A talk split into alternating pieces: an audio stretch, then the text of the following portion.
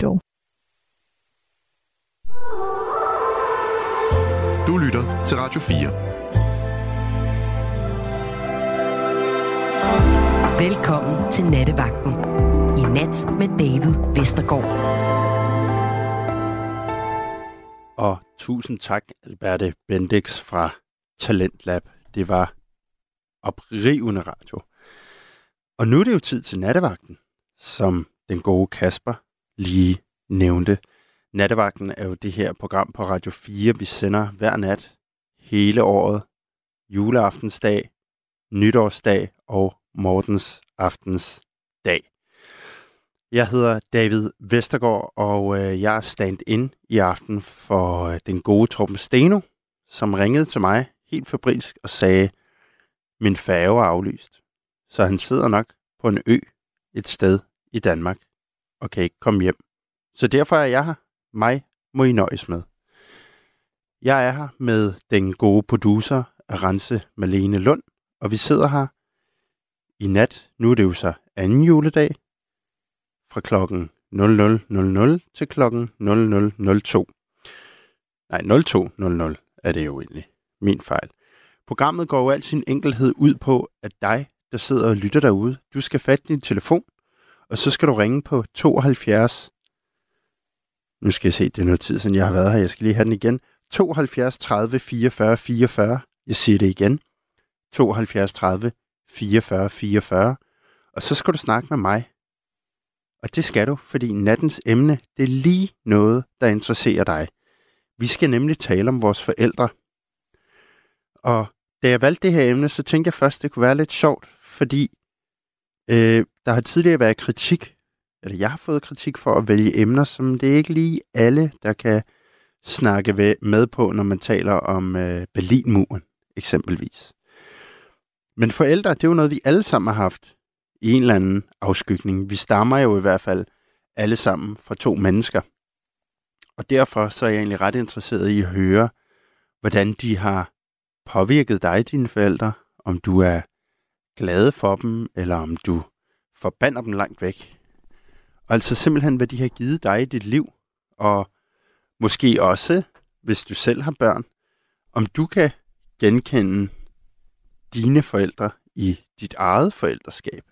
Det tror jeg kunne være ret sjov at tale om. Og i sådan en tid, som vi har lige nu, som jo er juledagene, så er det jo der, familier ofte står sammen, og så kan man jo nemlig ende med at sidde tæt med sine forældre eller andre familiemedlemmer, og måske blive mindet om, hvorfor man ses så tit, som man gør, eller hvorfor man måske nærmest aldrig ses, og ikke rigtig har lyst til at ses efter jul. Det vil jeg gerne høre mere om. Så fat knoglen, ring ind 72 30 44 44. Jeg har selv to forældre. De er rigtig, rigtig søde. De er godt nok enormt forskellige. Øh, jeg kan huske i en rapport, der engang blev skrevet om mig, så, så stod der, at min far han var sådan en, der kravlede langs gulvpanelerne, og min mor er fuld af liv. Hende kan man altid høre på lang afstand på hendes meget, meget markante grin. Men hende har jeg ikke fejret jul med i år. Jeg har fejret med min fars familie. Jeg er nemlig skilsmissebarn. Og det er jo nok også noget af det, der har gjort mig til den, jeg er i dag. Og det er jo svært at sige, hvem jeg har arvet mest af. Det tror jeg alle kender. Nogle gange ligner man sin far, nogle gange ligner man sin mor. Fysisk ligner jeg ikke nogen af dem særlig meget, så der har de ikke givet mig særlig meget med. Men jeg kan sagtens genkende mig i dem begge to, selvom jeg tit undrer mig over, at jeg egentlig burde være blevet skizofren, når de er så forskellige, som de er. Men jeg vil gerne høre dig om dine forældre, hvad de har givet dig, og hvad du giver som forældre. Hvis du ikke har lyst til at ringe ind på 72 30 44 44, så kan du også sende en sms ind på nummeret 1424. Så du skal bare skrive din besked og sende den til nummeret 1424. Så læser jeg den, og hvis den er rigtig god eller ekstremt dårlig, så læser jeg den op. Det er det, kære lytter, vi skal tale om i nat, og vi har en time og 55 minutter til at gøre det endnu, for klokken er nemlig 5 minutter over 12, anden juledag 2023. Mens du ringer ind og taler med den gode Arance Malene Lund, så hører vi lille et hurtigt stykke musik fra 80'erne. Det er før min tid. Jeg er fra 93. Og vi skal høre gruppen News med nummeret Du er. Det kommer her. Ring ind 72 30 44 44.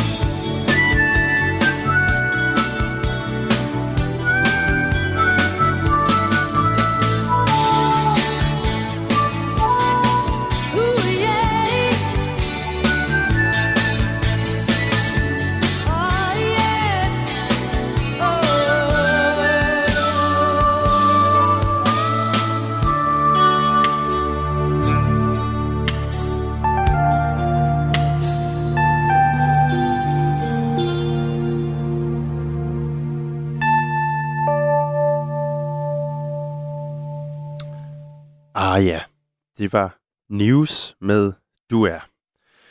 Det her, det er nattevagten på Radio 4. Jeg hedder David Vestergaard, og vi taler i nat om forældre. Både dine egne og det at være forældre. Inden vi lige gør det, så skal jeg lige nævne, at jeg har fået en sms. For jeg nævnte jo før, at jeg nogle gange undrede mig over, at jeg ikke var blevet skizofren af at have så forskelligartede forældre. Men så fik jeg lige en sms, der lød sådan her. Skizofreni har intet med en splittelse af personligheden at gøre.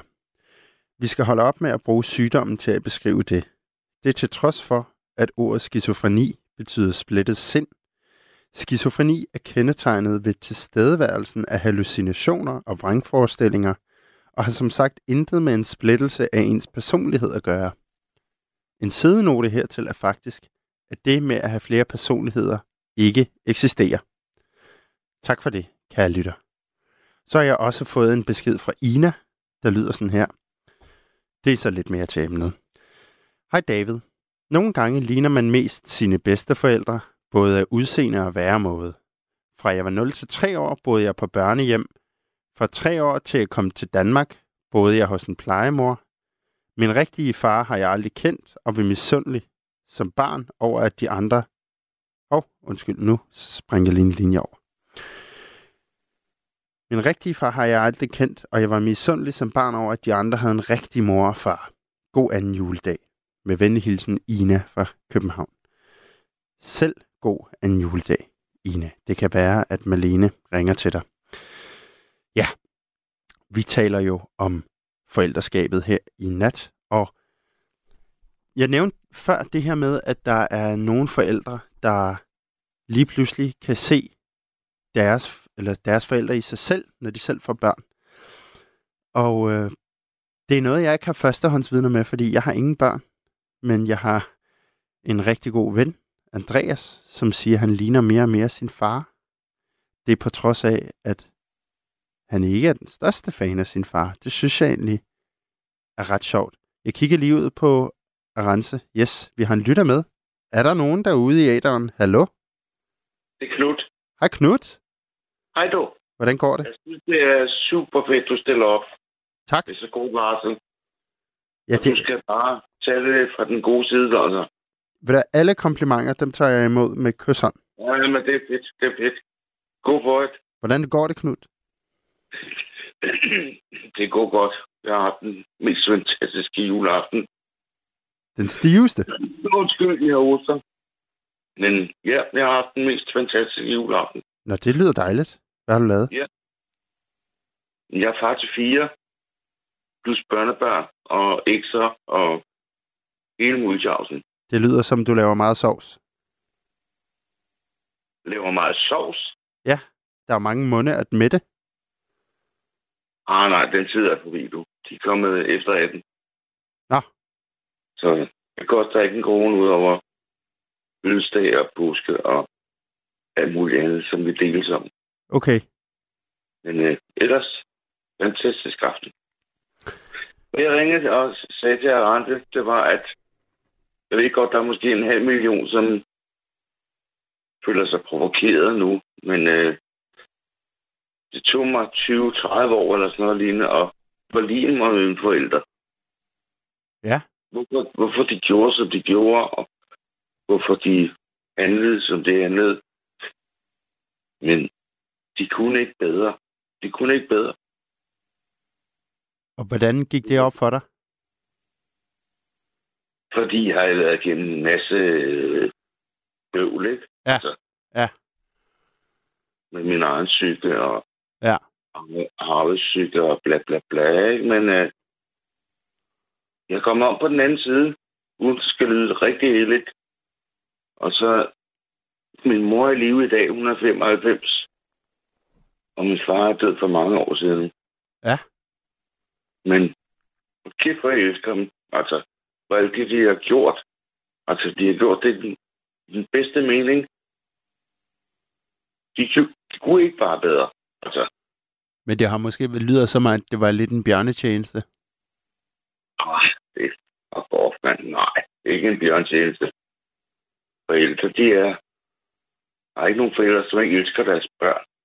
Men mindre de har en eller anden hæklefejl i gysen. Altså, Nej, du siger, at der er ikke- nogen, der ikke elsker deres børn. Jeg skal bare lige være Ja, sikker. præcis. Undskyld, hvis jeg er det forkert.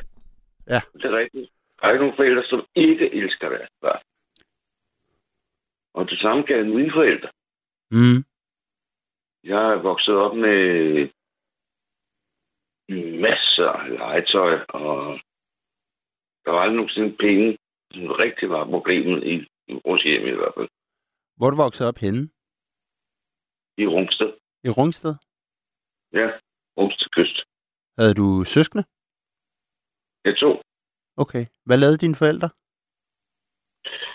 Åh, meget kort fortalt, så er min far altså en meget, meget hotshot øh, professor og læge, kirurg. Han gik med slips. Han gik med et rigtig stort slips. Det kan du rigtig så, ja, det gjorde han. Men altså, han var også øh, kærligheden selv, men altså, han kom aldrig nogensinde ind på sine børn. Nej. Så min bror døde af junk, og min søster døde af druk. Hold da op. Så ja, ja, ja, det er voldsomt, det ved jeg godt. Ja. Men det, selv, hvis du skal prikke over i så begik, begik han selv selvmord. Så det var den store arke, ikke? Okay. Så jeg har altså virkelig tænkt over, altså, det der med at, at, at være en familie. Så Hvordan? det tager mig mange, mange år, og ligesom at finde ud af, og kæft, hvor var de også kærlige, altså. Ja, okay. Er det fordi, du i mange år ligesom, du ved, kun Ja, så, kun så det- deres dårlige sider? Hvad siger du, undskyld? Altså, var det fordi, du i mange år kun så deres dårlige sider? Ja, det er det, det, det, det, det, der ligger lige for, ikke? Ja. Men, øh, altså, Okay, lad mig, lad mig spørge på en anden måde, Knud. Da du var 20 år, var du sur på dine forældre? nej, der var de ikke døde endnu. Nej, okay. Det er bare fordi, jeg kan jo godt høre, at du ikke er 30 år nu, men du siger, at du ligesom har, Nej, har fået den her erkendelse, ikke? Så jeg tænker, at så må der have været en lang periode, hvor du egentlig har øh, ikke har ikke har set dem i et godt lys. Det er sgu meget flot formuleret. Ja, tak, tak. Ja, men det er rigtigt, det er rigtigt. Men altså, på et eller andet tidspunkt skal du også have ansvar for dit eget liv. Altså, man kan ikke bare leve i andres øh, eller ens egen elendighed, fordi man, man er opvokset i det, man er. Altså, Ja. kom, kommer et tidspunkt, hvor man simpelthen bare siger, okay, det er mit liv. Mm. Så må du så må du bruge de brikker du har eller den hånd du ligesom har Ja. fået øh, var fået lagt til dig, ikke? var det godt sagt. Ja, var det godt sagt. Mm. Altså, man rykker ikke længere i sprik af, vel? Altså, det gør man jo. Nej, men altså jeg tror der er mange mennesker derude selv med selv der måske dem der ikke har oplevet det du har som egentlig har, må nok kan have en periode hvor man lidt ligger i fosterstilling og tænker øh, min, mit liv er blevet som det er på grund af mine forældre eller min baggrund, men der kommer vel så også et tidspunkt, hvor man så nemlig må sige, okay, men så må jeg jo, så må jeg jo bruge de klodser, jeg har. Det er virkelig rigtigt. Men hvornår kom det for dig? Jamen, jeg skal ikke på nogen måde lyde bedre vidende, vel? Altså, det er ikke min hensigt. Mm. Min hensigt det er ligesom også forhåbentlig, at, at folk kan øh, se igennem med en masse fingre omkring det liv, man har været igennem, ikke? Jo. Så øh, forhåbentlig kommer om på den anden side af det. Men Knud, jeg tænker også, at da du selv fik børn, altså så gætter jeg på, at du har været sådan en, der har tænkt, der er fandme mange ting, jeg skal gøre anderledes end mine forældre. Nej, Nej, det har jeg aldrig tænkt. det har du aldrig tænkt. Aldrig nogensinde. Aldrig nogensinde. Jeg har fire, fire børn, ikke? Og et par børn. børn. Ja. Men, men aldrig nogensinde en tanke har strejfet mig. Det må sgu om. At du vil gøre det anderledes, end dine forældre Ja. gjorde. Jeg vil gøre det som mig selv. Altså, Okay. Hvordan var din egen barndom? åh, det var trygt på en eller anden meget underlig måde. Ja. Er jeg radio nu, der er jeg vel? ja, det, det er du, Jeg ja. har lige røget, jeg har lige røget en joint, så du må undskylde, hvis jeg rører. Det er okay. Øhm... Undskyld, hvad spurgte du om? Det, jeg spurgte om, øh, Knud, det var, hvordan din egen opvækst var med dine forældre. Altså, fordi Jamen, var- jeg bliver, jeg altså, bliver jo øh, jeg bliver nysgerrig, når du siger, at dine øh, egne søskende er døde af druk og junk. Så kan jeg ikke lade være med at tænke, at det på en eller anden måde er noget, der stammer fra, altså, fra, fra op, ophavet, ikke? Ja, men det var der. Ja. Men jeg kan ikke give dem skylden, fordi de er også et produkt af deres ophav jo. Jo, jo, bestemt, men det var derfor, jeg ikke forstod, når, når jeg spurgte dig, om der var noget, du ville gøre anderledes. Altså, end de Jamen, jeg gjorde har det. Bevidst tænkt sådan. Nej, okay, okay. Det giver god mening. Men hvordan var, hvordan var dine forældre så? Hvordan opdragede de? Hvordan var dit barndomshjem? Jamen, min far var altid ude at rejse, og vi boede ned til golfbanen i Rungsted, og 18 huller, du ved ikke, Ja. og stor skov, og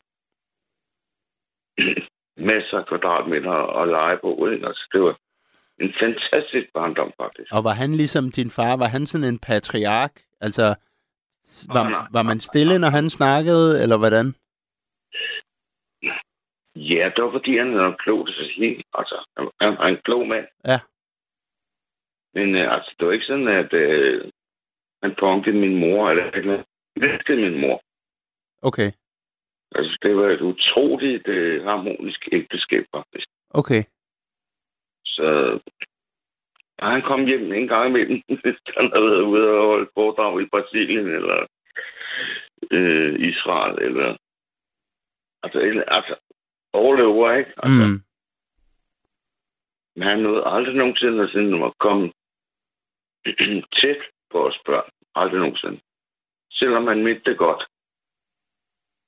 Fordi han var så meget væk. Han havde så meget så fucking optaget sig selv. Så han kendte ikke jer? Jo, selvfølgelig gjorde han det, men altså, det var ikke sådan, at øh, det var underligt, hvis jeg satte sig ned og snakkede med os egentlig, fordi det, det var meget underligt med os alle tre, ikke? Mm. Fordi han var så meget væk. Ja. Både mentalt og fysisk. Nåede du nogensinde at lære ham at kende sig? Ja, Altså, 20-30 år, 20-30 år efter. Ja. Jo, men altså, fordi nu tænker jeg, en ting er jo at vide, hvad personen hedder, hvilken hårfarve han har osv., men noget andet er jo også at kende ham som, som Ja, men menneske, du ikke? Det, det, lærte, det lærte jeg aldrig. Nej. Det lærte jeg aldrig. Ikke at, altså, jeg kan, jo, på lang sigt, og nu står han mig lysende klart, hvilken person han var. Ja. Men så da der the, the tough gang, going tough, eller hvad det hedder. Mm. Men hvad som, altså det her med øh, at være så meget væk hjemmefra og arbejde så meget, er det også noget, du gentog? Har du også gjort det? Tværtimod. Tværtimod. Okay. Jeg er en, en, en simpel håndværker, og har været det hele mit liv. Og godt nok forlist to ægteskaber, men altså, jeg har altid været hjemme. Altid været hjemme. Jeg har aldrig nogensinde haft lyst til at rejse. Det er jo også sjovt, ikke? Altså, fordi du kommer jo af noget andet, kan man sige. Det kan du godt se. Mm. Det er også derfor, jeg mener, at man, hvis man lige kommer om på den anden side, eller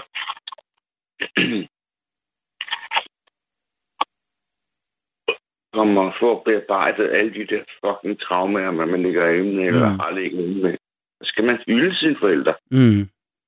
Virkelig hylde dem. Altså, hold kæft. Altså, du er blevet, du er blevet lavet i elskov, altså. Det er man jo. Har du nogensinde, din mor lever jo stadig, Knud, har du nogensinde talt med hende om det at være forældre? Ja, det kan du tro. Ja. Hvordan så hun på ligesom jeres dynamik derhjemme?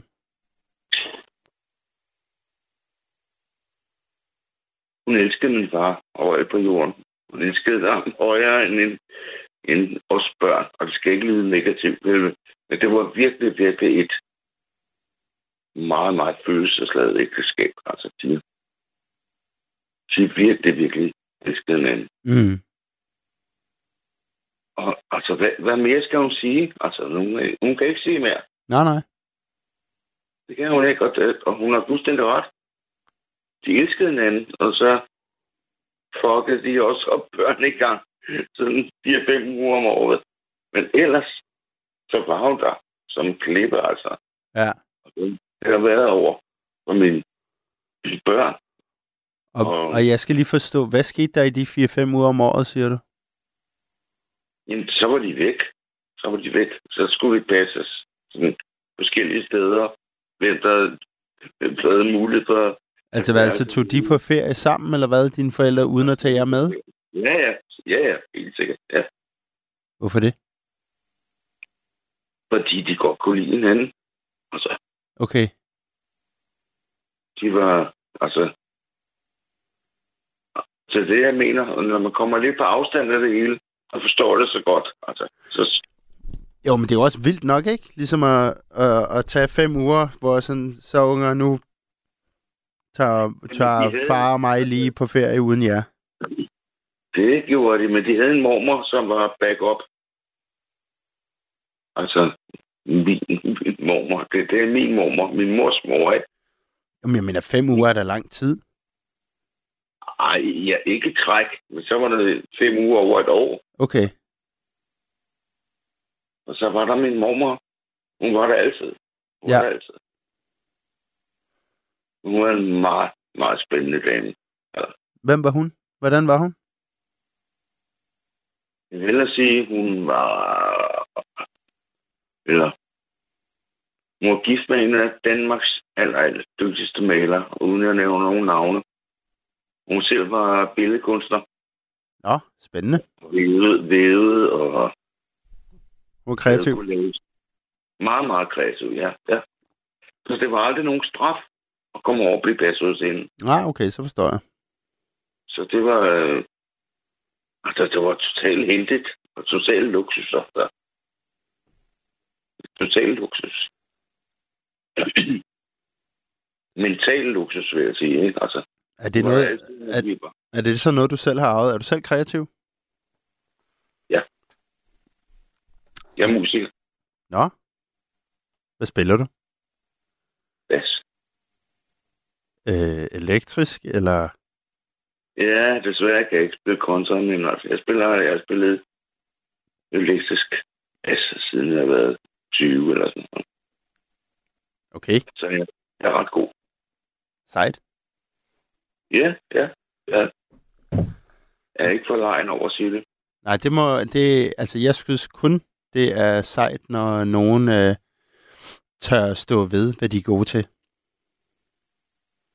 Ja, det, det eneste, det jeg lever mest af, det er at undervise øh, unge mennesker og sådan nogle enkelte ældre, ikke? Ja. Øhm, Nu- Nu... Altså, jeg keder, jeg keder mig aldrig. Jeg har aldrig nogensinde kedet mig, fordi jeg det. nu er du bedstefar, ikke? Jo, Passer du så også til dine børnebørn? ikke nok. Ikke nok, okay. det tror jeg heller ikke, at du er den første bedsteforælder, der siger. Nej, det er sgu, det er sgu min første eks, der løber, løber med trumfen der. Det kan man spænde om. Men jeg har gjort det nogle gange, og gør det nogle gange, Okay, når man lu- lukker med brænder, ikke? ja. Det er sådan nogle, altså, de, det er sådan nogle unge mennesker, der tjener kasten. Og utrolig kærlige og utrolig familiære, og de er travlt. De er travlt. Men kærligt travlt. Dejligt. Jamen, det er det, ja. Men jeg aner ikke, hvordan jeg har fået så fede fire børn. Altså, det er Ja, ja, ja. Jeg ligger nævegrus beundret altså, over mig selv. At de kunne klare den opvækst. Jeg trods alt har givet dem, ikke? Ja, Og de stadig er så kærlige. Altså, det er... Og de elsker hinanden. Altså, det... Altså, at klokken var halv to i nat, så tog de i byen, alle fire sammen. men du har fået dem med... Hvad, du havde to forliste ægteskaber, Ja, så du har fået... To, to ægteskaber. To forliste ægteskaber. Ja. Men den sidste eks er min aller, aller bedste ven. Okay, er det er ikke- dejligt. Jamen, det er så fedt. Det er så fedt. Og hun er ikke blevet gift med, men hun har en, en ny kæreste, uden at nævne navnet, som er den skønneste fyr. Altså, han er simpelthen så sød. Så sød. Og 10 gange så mange muskler, som jeg har. Og det var da dumt sagt, men altså, jeg kan virkelig, virkelig godt lide ham. Nå, det er dejligt. Ja. Så det er ikke noget øh, underligt noget, når vi støder af hinanden. Det er en krammer. Nå, det er fedt, at, altså, at der heller Ja, ikke er... Øh, Det tog mig 3-4-5 år at komme over det, ikke? Men øh, der havde hun heller ikke en kæreste, vel? Men øh, de sidste tre år har hun haft ham der, fyren der, ikke? ja, men det bliver jo også, altså alt andet lige, også bare federe for alle, hvis at man kan på en eller anden måde begrave okay. stridsøksen og komme videre, ikke? Det er da galt, det er jo... Det må være det helvede for unger at skulle møde op med stille op til to forældre, der ikke kan lide hinanden, eller, Ja, ja. ja. eller ikke med hinanden, ikke? Nogen, der står og Ja. kigger på sin egen sko og ikke gider at sige noget. Uh, uh, uh, uh. Knud, jeg tror, jeg vil sige tak for samtalen. Nej, nu er jeg lige blevet snakket varmt. Okay. jeg kan ikke engang huske, hvad du hedder. Jeg hedder David, David. og lige præcis derfor skal vi også have flere lyttere på, Knud. Det er helt respektabelt. Okay. Tak fordi du ringede. Undskyld, hvis jeg røvede. Nej, sådan er det. Du har jo også lige røget en joint. Det har jeg sgu. Ja, Var, var den stor? lidt. Lidt stor. Okay. Lidt stort. Lad det være det sidste ord. Tak fordi du ringede, Knud. Du må have en rigtig god nat. Det her, det er nemlig nattevagten på Radio 4. Jeg hedder David Vestergaard, og vi taler i nat om forældre. Dine egne forældre, og hvordan de har været med til at forme dig, om hvordan, hvad kan man sige, du spejler dem i dig selv, og man vil gøre ting anderledes, end de har gjort. Og alt det lige. Nu talte jeg lige med Knut, som har haft en dejlig barndom, og nu har røget en kæmpe joint. Jeg har fået en masse sms'er, som jeg lige vil læse op, og så hører vi lige en lille sang bagefter. Jeg har fået en fra Ina, der lyder sådan her. Hej David. Ganske kort er det bevist, at skizofreni kan være medfødt, kan udvikles ved skader i fosterstadiet og skader ved fødslen, samt gennem miljømæssige og psykologiske faktorer i livet, samt pludselig udvikles ved en dramatisk begivenhed af misbrug. Det er Ina, der skriver det. Så er der en, der skriver, så dig i fældeparken i sommerstavet. Du så arrogant ud, lige så præcis som du lyder her på nattevagten. Og jeg ved ikke, om man kan høre det, men jeg sidder jo med næsen i sky. Så er der en, der skriver, jeg så ikke mine forældre siden min yngste datters fødsel. De meldte afbud til hendes dåb. Så kunne jeg ikke se dem mere. Det er godt nok også tavligt. Det er Inger, der skriver. Det er, jeg synes, Inger, du skulle ringe ind. Det vil jeg rigtig gerne høre mere om. Så Mona Lisa har skrevet, Hej David. Jeg er opvokset under små kår. Min far havde en lille forretning, og min mor var hjemmegående indtil mig, og min bror blev ældre. Så fik hun et rengøringsjob. Jeg har lært nøjsomhed og sparsomlighed. Det er jeg meget taknemmelig for. Især i denne tid, hvor folk går amok i gaver, mad og nissehalløj. God vagt. Ja, jeg har fået en masse flere, men dem synes jeg, vi tager lidt senere, fordi nu skal vi høre en lille sang med den, en, øhm, en ret stor gruppe af musikere, der hedder Guiding Star Orchestra, og det er sådan et, øh, det er faktisk et dansk band, der øh, spiller sådan øh, en genre, der hedder Roots Reggae. Jeg synes, det er super, super fedt. De har udgivet en plade her sidste år, der hedder Communion, og vi skal høre et nummer, der hedder Planting Trees, og det kommer fra pladen Communion, men med gruppen Guiding Star Orchestra. Og mens vi gør det, så skal du ringe ind på 72 30 44 44, så får du den gode rense i røret, og så skal du fortælle om dine forældre. Ja, 72 30 44 44. Nu her vi Planting Trees med Guiding Star Orchestra.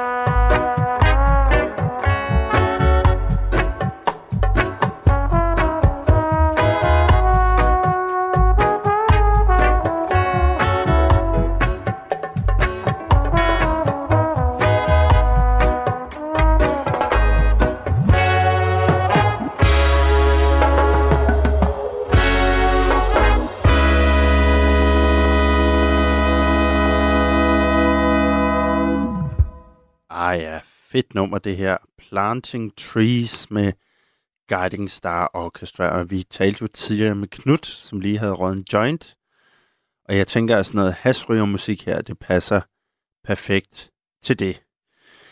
I nat, der taler vi jo om forældre, dine egne forældre, og om du egentlig kan se dine forældre i dit eget forældreskab.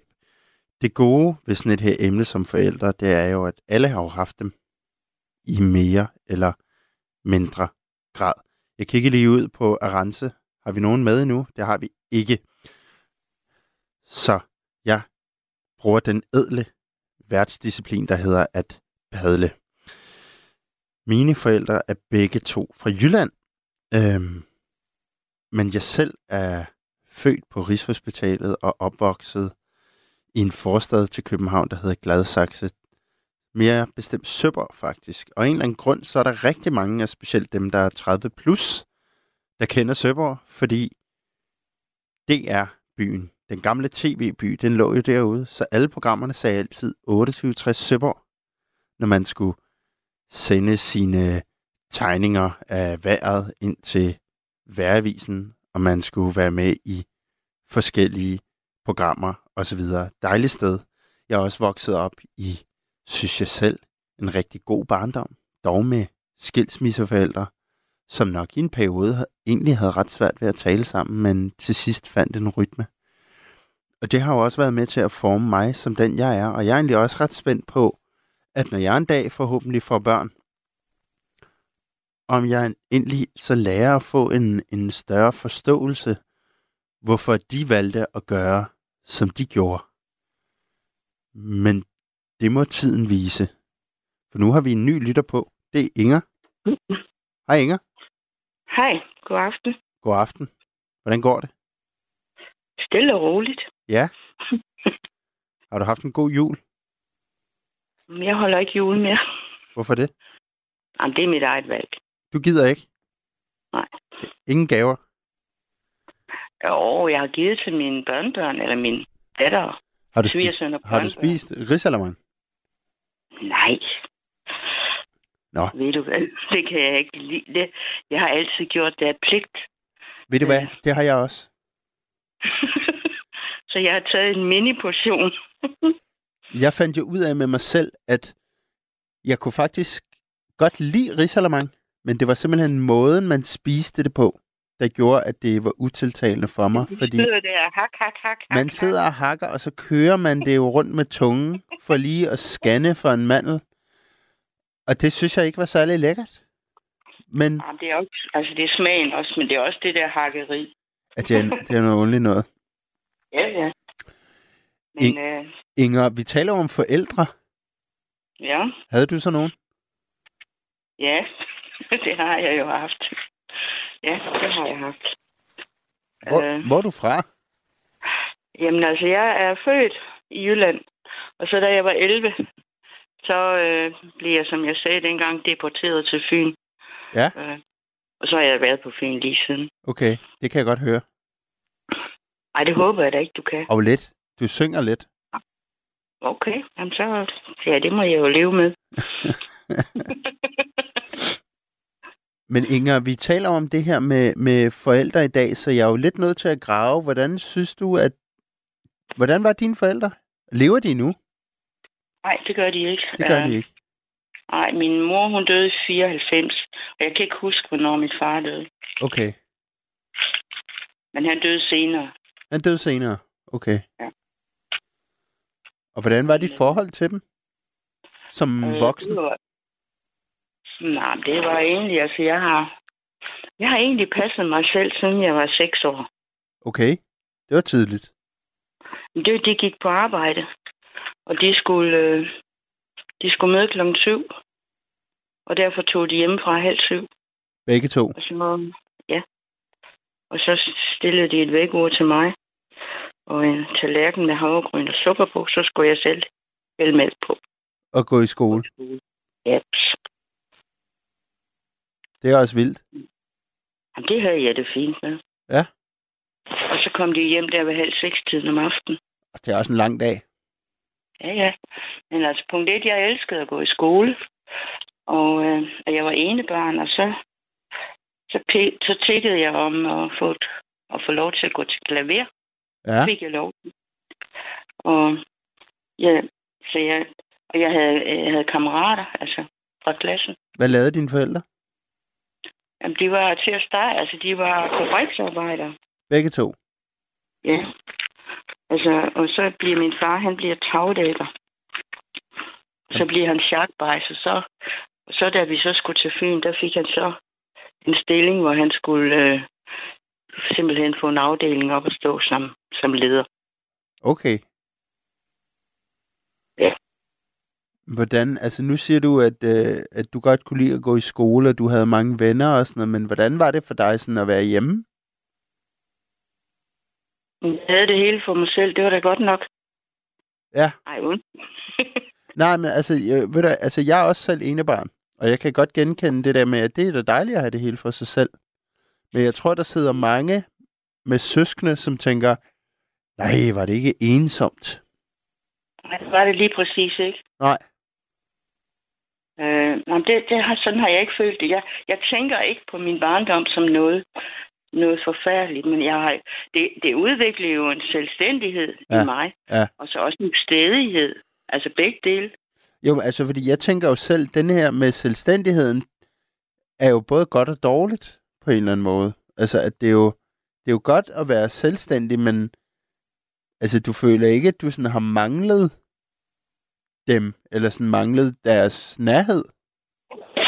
Jeg ved jo ikke, hvad jeg ikke havde, vel, Nej, hvis du forstår, hvad jeg siger. jo, det forstår jeg godt, men man kan jo se i sin, altså, jeg tænker med dine, dine venner i skolen og sådan noget, deres Jo, forhold jo. til deres forældre. Jo, altså jo, det, det er da korrekt. Det er rigtigt nok. Men øh, altså de to piger, jeg var tættest på, de havde begge to hjemmegående mødre. Øhm, men jeg så egentlig, altså i hvert fald i den ene familie, hvor jeg kom en del, der så vi egentlig ikke ret meget til hendes mor.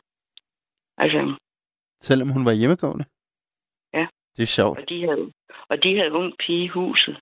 Hende kendte jeg jo meget bedre end øh, min Så de havde mor. både pigehuset, og moren var hjemmegående? Ja. Det er ligesom Matador. Det er ligesom Varnes. det kan du godt sige. Ja. Og jeg boede jo i en lejlighed, hvor der ikke var, du ved, med kakkelovn og koldt vand i hanen. Havde I træk og slip? Øh, Det fik vi. Ja, okay. Det må have været stort. Ja, ja. Nej, ellers var det nede i, øh, i gården. Der var der også træk og slip. Var nå, ikke- nå, nå. Øh, men altså, der skulle man udenfor og ned i gården. Ja. Eller gården. Det, altså, det, det var sådan et, bare et tofamilies hus med have. Så det var ikke, det var ikke slemt. Vel, det var en god vej. Det jeg boet på. Okay. Men, øh, men altså hende ved min, øh, altså hende ved min veninde der med pigehuset, der havde de jo centralvarme Nej. og kul og varmt vand og Uff. badekar. Mm. Mm. Men ved du hvad, jeg tror ikke, jeg tænkte så meget over det der dengang. Nej. Altså vi, vi havde det bare, så vi kunne få vores tid til at gå, og så boede vi lige op, klods øh, op og ned af et øh, friluftsbad. Og der boede vi jo hele sommerhalvåret. Altså, du var ikke, det var ikke, fordi du var sådan misundelig. Det kan jeg ikke huske. Hvad så, altså, hvad så, når du bliver lidt ældre, og det her med, altså, nu, jeg gætter på, at du flyttede hjemmefra tidligt. Nej, vi flyttede fra mig. Nå. Nej, men altså, der sker det, at øh, de er jo begge to gået ud af 7. klasse, skal du lige huske. Ja, de arbejder, ikke? Altså, Og så da jeg så gik i 7. klasse, så synes de jo egentlig også, at jeg skulle ud at tjene. Jeg, og det, kan jeg, jeg, jeg, jeg, det skulle jeg under ingen omstændigheder. Jeg nej, du var glad for at gå i skole, ikke? Mm.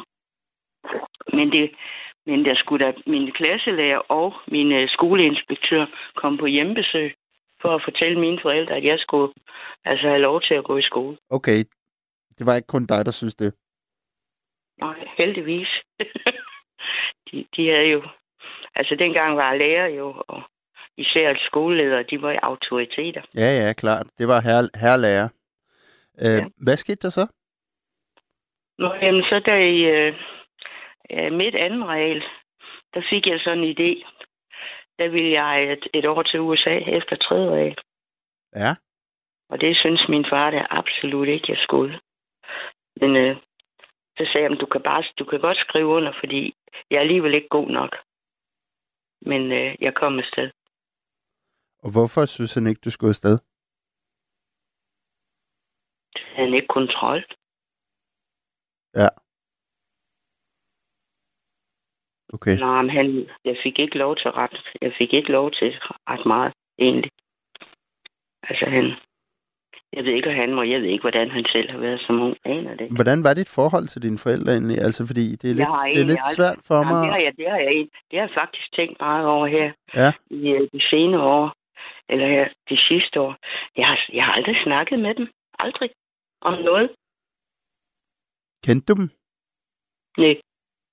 Øh, Kendte de dig? Nej. Det er også vildt. Nå, men prøv lige at høre. Min far ville ikke have, at vi snakkede ved spisebordet om aftenen. Nej. Så der blev ikke snakket om noget som helst. Jamen altså, hvad, hvad...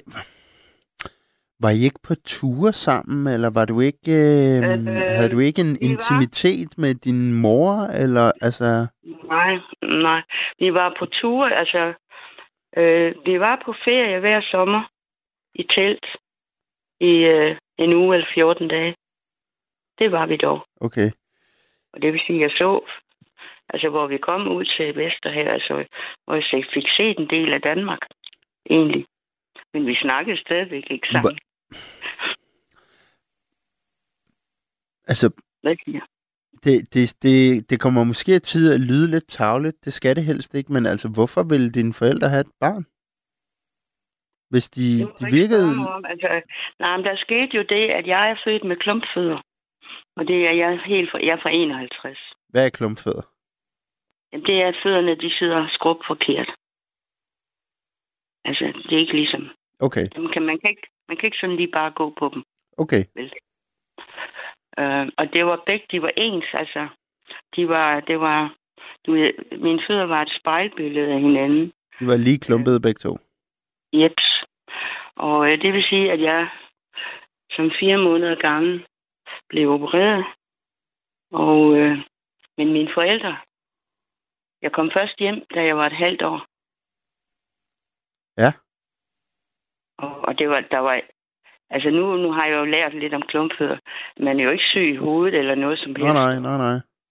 Øh, og, og, øh, og jeg skulle have jeg gået med, du ved, ortopædiske støvler til jeg var seks, indtil Ja, jeg skulle ja, ja. skole. Du har gået med nogle rigtig fodformede sko. Ja, det var sådan nogen, der blev syet. Ja. Det var fandme grimme. Ah, undskyld. de, har, de har altså ikke øh, været det sidste skrig, når du kom i skole. De var brune, og de gik sådan op. Det, er egentlig en slags sokletter, hvis du Nej. ved, hvad det er. Ja, de, du ved, de går sådan lidt op ad anklen også. du har ikke været den første, der blev spurgt om dans til ballet. Nej. Men altså, fødderne er rettet. Altså, taget betragtning af, at det her sker i 51. Ja. Så har jeg fået nogle... Folk har ikke kunne se på, Nej, min, på mig, Nej, nej. at der var noget galt. Eller havde været noget galt. Men Men jeg tror... hvordan relaterer det sig til, om hvorfor dine forældre vil have et barn? Altså, Hvor skulle jeg vide det fra?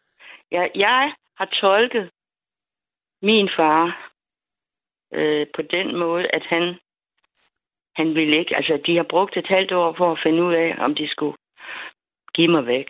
ja, om du skulle bortadopteres. Ja. Og det er ikke noget, I har snakket om? Aldrig. Det er bare så vildt, mand. Altså, ja, altså det gør jo, det gør jo, altså, er fordi jeg har jo senere hen lært lidt psykologi. Jeg har jo ikke knyttet mig til min mor. nej, nej, nej, overhovedet ikke. Men har du så, efter du så blev individuel voksen, har du nogensinde spurgt dem? Altså, har I nogensinde haft en snak om, nej, hvad for sådan fanden? noget, ved du hvad, nej, for sådan noget snakker man ikke om. Nej, det har jeg aldrig gjort. Hvorfor gør man aldrig. ikke det? Det må du ikke spørge mig om, det har jeg ikke gjort. Nej. Fordi så sker der det, da jeg kommer hjem fra USA, så, øh, så vil jeg, jeg vil stadigvæk gå i skole. Og det vil sige, at jeg vil i gymnasiet. Ja. Og øh, Hvor gammel er du kom her? ind- 16 eller sådan noget? Nej, nej, nej. Ja, man er 17, når man får reel eksamen. Okay. Og jeg var 18, da jeg kom hjem fra USA. Okay. Øh, så det, kunne, det skulle de overhovedet ikke blande sig i, om jeg skulle gå i gymnasiet eller i gymnasiet. Ikke? Ja. Og det skulle jeg så. Og det gjorde jeg så. Men efter første G, så får min far en ny opgave, præcis den samme, som han fik på Fyn. Der skulle han bare op til, til omkring Aarhus og lave en ny afdeling. Og øh, der ville de så have mig med til Aarhus. Ja. Men det sagde jeg nej tak. Altså, jeg var faldet... Altså, jeg havde det godt på mit gymnasium, og jeg kunne slet ikke forestille mig at skifte skole. Det havde jeg jo prøvet en gang før. Ja. Jeg kunne ikke se mig selv i at skulle... Jeg turde ikke skifte skole. Ganske enkelt. Så, så jeg blev på Fyn, Mm. og så, og, øh, så måtte jeg klare mig selv, fordi øh, jeg har aldrig fået SU. Og, øh, altså det var det, fik jeg så at vide. Jamen, så, må du, så er du så på egen hånd. Jamen, det var jeg så. Så fik jeg et job i en tank, på en tankstation i weekenderne. Så kunne jeg have råd til et værelse og, og mad. Wow. Nej, men ikke wow. Men der kommer den der selvstændighed og stedigheden ind. Ja, jamen, jo- altså, det kan jeg jo godt høre, og det lyder også som en stærk ting, men jeg kommer bare til, altså, hvor meget, hvad, hvad er din kontakt med dine forældre så herfra? Det er jo så, at, øh, ja, at så får jeg en læreruddannelse. Og jeg får også en, ja, og, og øh, så får jeg mit første barn i, altså vi er ikke ret meget sammen. De kommer en gang imellem. Og så siger I, hej, går det godt? Ja, det går godt. Nå, men det er godt. Altså, vi spiser så noget mad sammen. Og, men øh, ikke sådan rigtigt. Snakker I ved spisebordet? Ja, det gør man i mit hus. Nej, det okay. Man er herre i eget hus. Ja, er ja, ja, ja, men altså, så, men så, så var det mere af pligt end af lyst, at I sås? Det ikke rigtigt. Jeg tror også, altså af en eller anden grund, så er mine, mine forældre jo blevet meget usikre på mig. Fordi jeg har jo ikke involveret dem i ret meget. Nej, men de har jo heller ikke for fanden involveret dig i noget. Nej, det ved jeg godt. Det er jo- Men altså, jeg tror da, det er en tovejskommunikation, som, Ja. ikke er, som ikke er gået særlig godt. Altså, Ja, men, men jo, det er en tovejs kommunikation bevares, men det er jo dem, der er forældrene, for fanden. det ved jeg godt, men altså, Ja. det... Så får jeg jo sådan en lille søster, da jeg er 14. Okay, det er alligevel en efternøler, der ved noget. Nå ja, men altså, og hun blev jo, hun blev jo, altså, verdens midtpunkt. Ja, Men hende har jeg også kun boet sammen med i tre år. Øh, og jeg var egentlig glad for hende dengang, det var jeg faktisk. Men øh, vi har, ja, altså vi har aldrig fået et søskende forhold. har, ved du, har hun det på samme måde med dine forældre, som du selv har? Nej, hun blev, nej, nej, nej, nej, nej. Altså, nej, fordi hun er jo verdens midt, midtpunkt.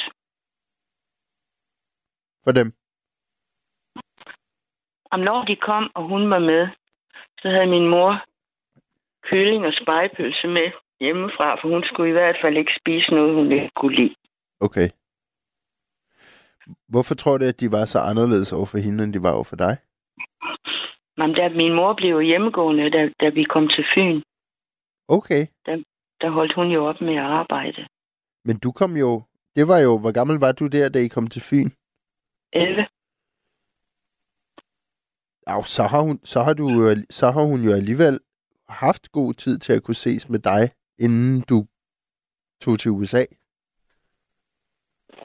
Nej, men altså, da min søster blev født, da jeg var 14, øh, så jeg, jeg måtte ikke være på mit værelse om aftenen. Øh, fordi min, de havde soveværelse lige ved siden af. Og jeg så min søster også, fordi hun skulle have nattero.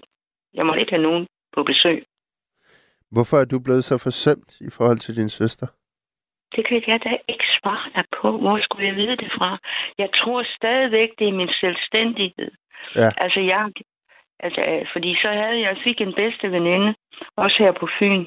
Og hende var jeg jo meget, meget, meget sammen med. Ja. Det for- foregik ikke, bare ikke hjemme med mig. Det foregik ved hende. Altså, jeg cyklede op til hende. Og øh, det havde mine forældre ikke nogen skrubler over overhovedet. Okay. At jeg var, at jeg stort set var væk hele tiden. Og, øh, og så gik jeg i ungdomsskole der i første og anden, tredje række. Der var jeg væk to aftener om ugen også. Altså, jeg var meget væk. Altså, jeg var ikke hjemme.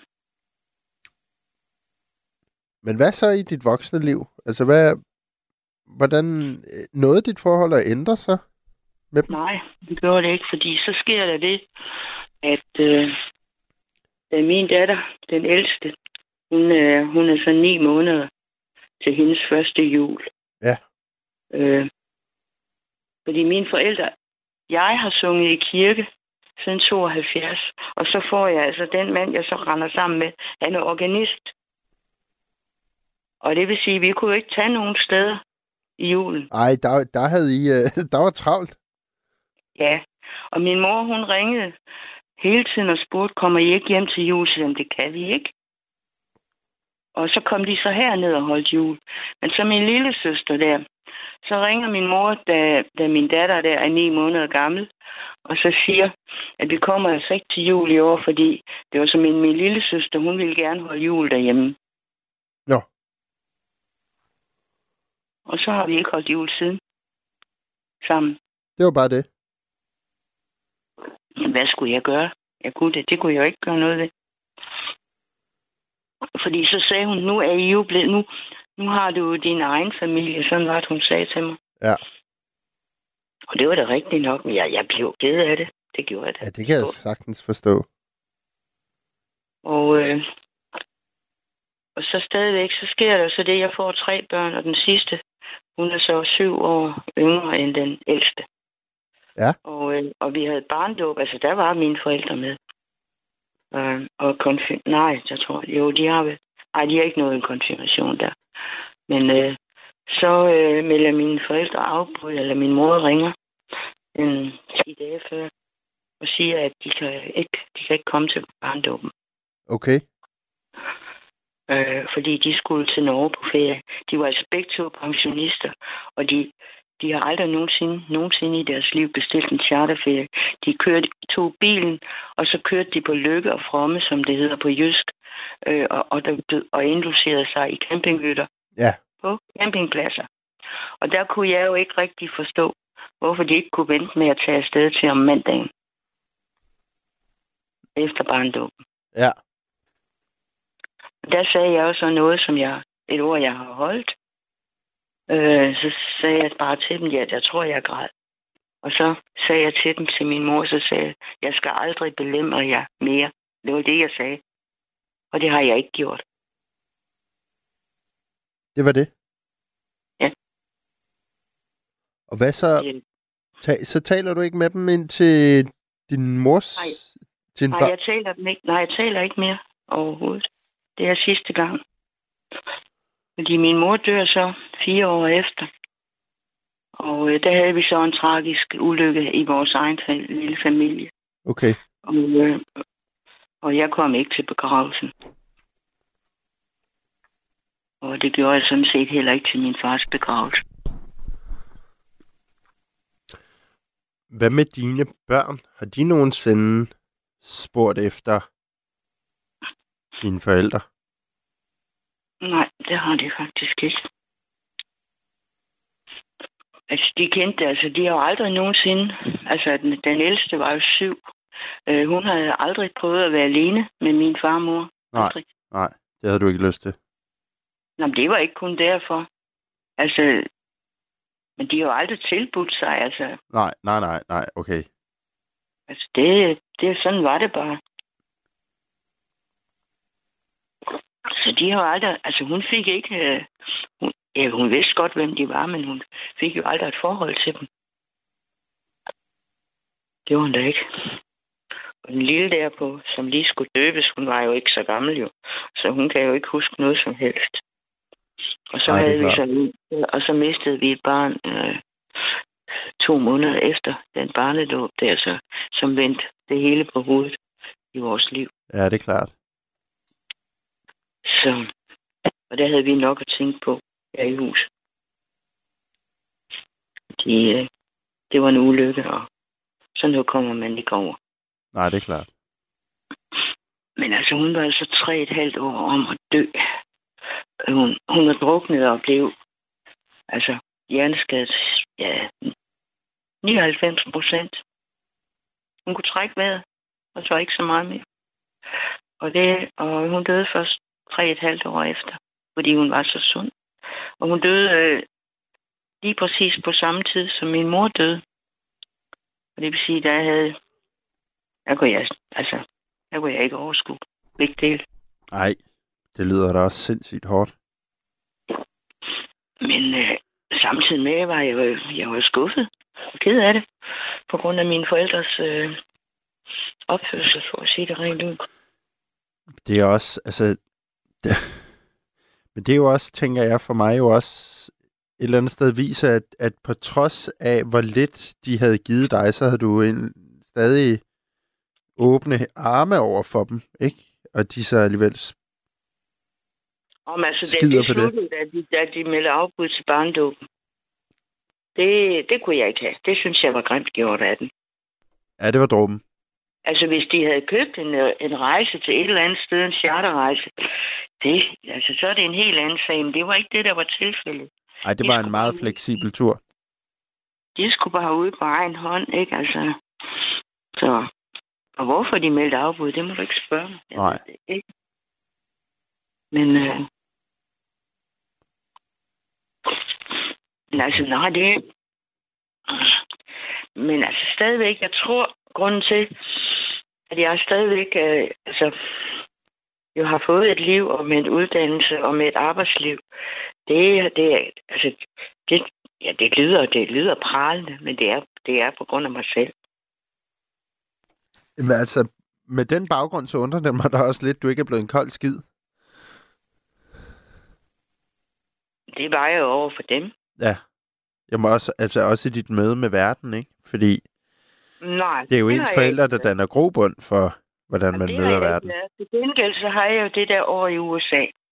Og der boede jeg jo i en rigtig familie. Ja, det må da også Ja. have været helt underligt for dig at opleve. Ja, det var det da også. Altså, kunne du overhovedet navigere i det? Ja, fordi jeg er også nysgerrig, det skal du lige huske.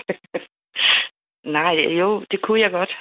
Der var én ting, jeg ikke kunne navigere i. Det var, det var en jødisk familie. Og, øh, og det var før krammeriet. Det var blevet moderne i Danmark. Ja. Og øh, når han kom hjem fra arbejde, øh, han var selvstændig, men når han kom hjem, så gav han jo alle sammen en krammer. Det gjorde han også mig. Og så sagde han til mig, og det var, tror jeg, en af de første gange, han gjorde det, så siger han til mig, du stivner. Øh, bryder du dig ikke om det? Så jeg, nej, det gør jeg faktisk ikke. ja, det var du vel ikke vant til? Nej, jeg har aldrig prøvet det. Det lyder helt vildt, altså. Så, nå, så holdt han op. Altså, han, altså, han sagde jo, man, kunne, man kan jo godt se på et ansigt, når de siger dag og hej, at, at de, de mener det, de siger. De behøver ikke at, at kramse på en, vel? Altså, Så var du måske lidt en kold skid alligevel? nej, jeg var da ikke en kold skid. Nej, jeg var ikke en kold Nej, skid. det ved jeg godt. Det ved jeg godt. Jeg var sgu da en nysgerrig skid. Jeg, Ja, fik, ja, ja, jeg ville ja. aldrig have, det, jeg ville aldrig have, have været det år for uden. Jeg Nej. gik i high school. Altså, og, og en jødisk familie, og med, med de traditioner, som de har. Altså, jeg synes da, det var spændende. Rigtig spændende.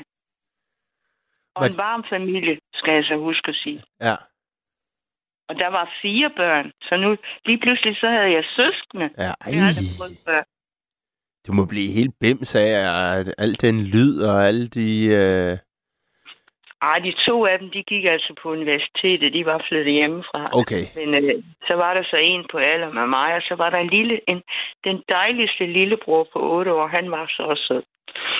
Så nå, det er dejligt. ja, nej, altså det... Jamen det, det, det var, det var... Altså, og jeg kan under alle jo at tage sådan et år, og hvis de får, det er dyrt. Det var også dengang kostede det 4.000 for et år, men jeg tror, de 4.000, de var måske det samme værd som øh, de 100.000, som det koster i dag. Ja, ja, det er ret dyrt. Det er ret dyrt. Øh, men altså, og der, altså fordi min far jo ikke ville have, at jeg skulle afsted, så gav jeg ham min sparkassebog. Som, øh, jeg havde ikke 4.000, jeg havde, jeg havde vel 700 kroner på min sparkassebog. Så fik han den som støtte. Okay. og plus dengang, der snakkede man. Altså, man, man ringede jo over. Jeg snakkede ikke med dem i det år, jeg var væk. Overhovedet ikke. Så, jeg- nej, nej. Altså, det med Ja. at ringe, det gjorde man. Det gjorde man bare ikke. Det kostede en bondegård i minutter. Ja, jo, men for fanden, altså. Nej, men altså, det gjorde, de ringede Jamen, ikke det, det hæng- ligger jo meget godt i tråd med resten af historien, kan man sige. Ja, de ringede i hvert fald ikke til mig. Det gjorde de ikke. Men altså, men altså til gengæld så fik jeg mange breve. Altså, jeg skrev jo også med dem hjemme fra Danmark, mm. så Mm. jeg fik, fa- fik faktisk temmelig meget post Okay. dengang. Har du været ude at rejse? Ja, jeg har læst i England. I London, det var kun et enkelt semester. Det er jo et halvt år. Ah, det er jo ligesom min store datter. Hun var et halvt år i Singapore og et halvt år i Barcelona. Det gad jeg også godt. Men uh, Inger, nu skal der andre til. Så jeg vil sige tusind tak, fordi at du lige jeg dele din historie. Det jeg godt. Og jeg sidder ikke og tuder, men altså, det er sgu på en eller anden måde en trist historie. Det er en vild historie. Altså, du kan, jeg sidder lidt med... Jeg skal lige til at samle min kæber op lige om lidt. Mm. Men Inger, jeg vil ønske dig en uh, fortsat God ikke-jul. Det holder du ikke. Nej. Men øh, du må have i hvert fald en god vagt, og tak for en god snak. Selv Så- tak. Ha' det godt. Hej. Hej. Ak ja, det var Inger. Og det du lytter til lige nu, det er mig, David Vestergaard, på Radio 4. Programmet er Nattevagten, og klokken er 11 minutter over 1, det vil sige, at vi sender 49 minutter endnu. Vi sender nemlig fra 12 til 2 hver nat. Der er kommet en sms fra Jens, der lyder sådan her. Jeg bryder mig da heller ikke om alt det krammeri. Jeg synes, det er noget mærkeligt noget, som ikke rigtig giver mening. Og jeg er ikke jøde. Jeg er københavner. Jens, jeg kan egentlig godt følge dig. Jeg kan faktisk godt lide at kramme, men jeg kan godt kun lide at kramme med nogen, jeg kender. Jeg synes, det er underligt at kramme folk, jeg ikke kender ordentligt. Ja, jeg har lige sagt det, men nu siger jeg det igen. Det her det er nattevagten på Radio 4, og vi taler i nat om forældre, om hvordan de har været med til at forme en. Vi har talt med Knut, hvis forældre var søde, men hans far var der ikke rigtigt. Og så har vi talt med Inger, hvis forældre faktisk bare ikke var der. Jeg skal have et glas vand og pusse min næse. Og mens jeg gør det, så skal vi høre en lille sang. Og mens vi hører den, så skal du ringe ind til det her program på 72 30 44 44. Jeg siger det igen. 72 30 44 44. Og så skal du fortælle Arance, hvorfor du vil dele dine forældres historie og din historie om dine forældre. Og din historie om dit forældreskab. Vi vil høre det hele. Men først skal vi høre Joni Mitchell med nummeret Hijira. Det kommer her.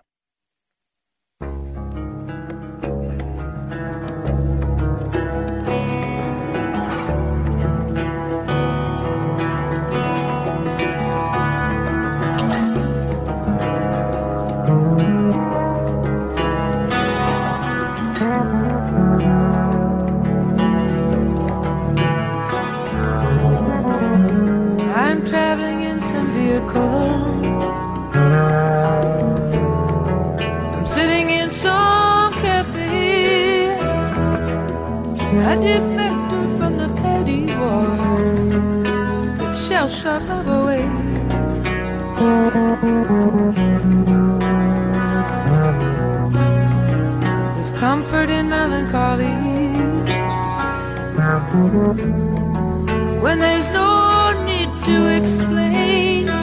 It's just as natural as the weather in this moody sky today. In our possessive coupling, so much could not be expressed.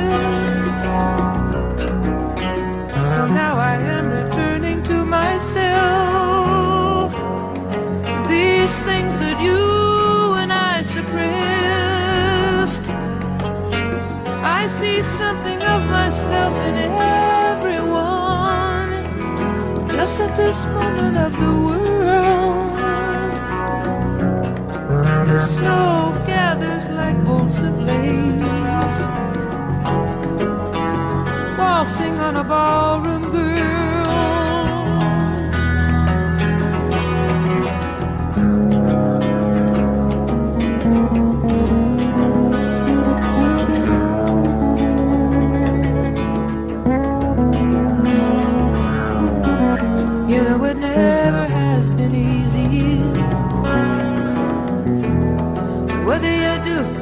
Do not resign, whether you travel the breadth of extremities or stick to some straighter line.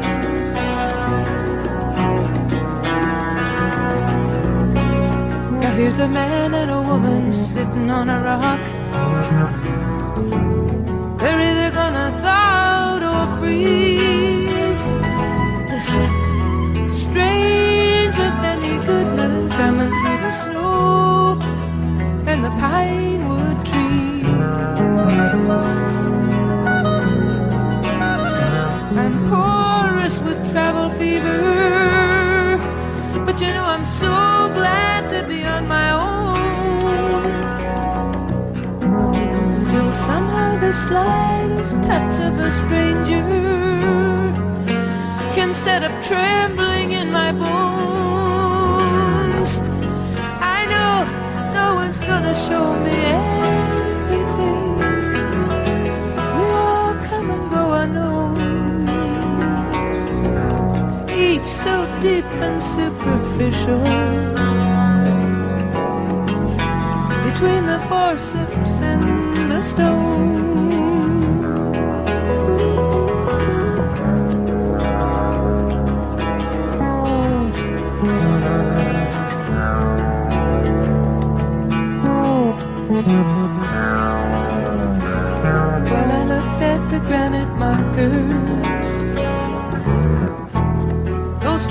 To finality, to eternity.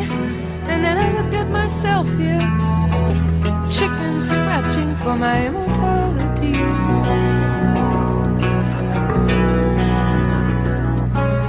In the church, they light the candles,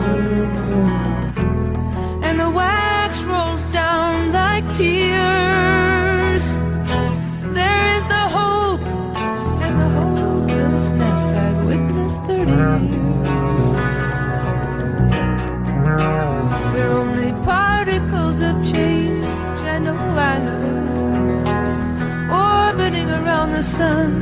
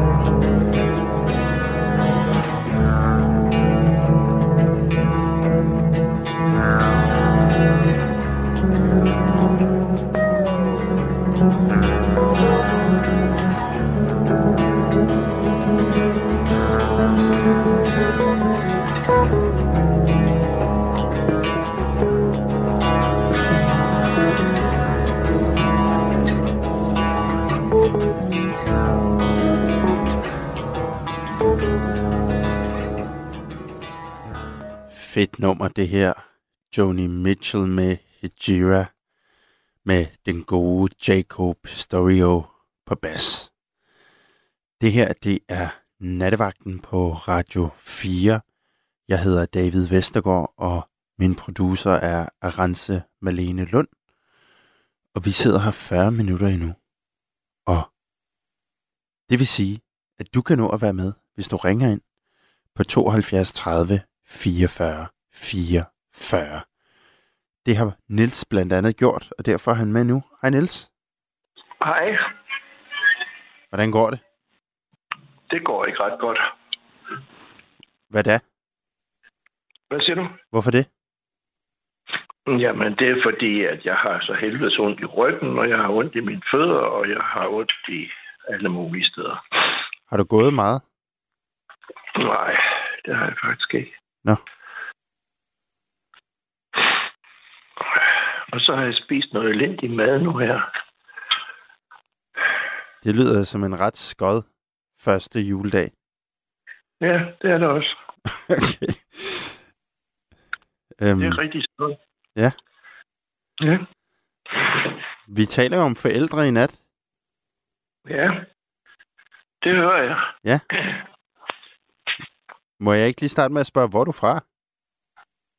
Hvor jeg er fra? Ja. Jeg er fra... Jeg kommer oprindeligt fra Skive. Ja. Men så har jeg boet i Aarhus i 50-60 år. Så der er du vokset op. Der er jeg vokset op i Skive. Okay.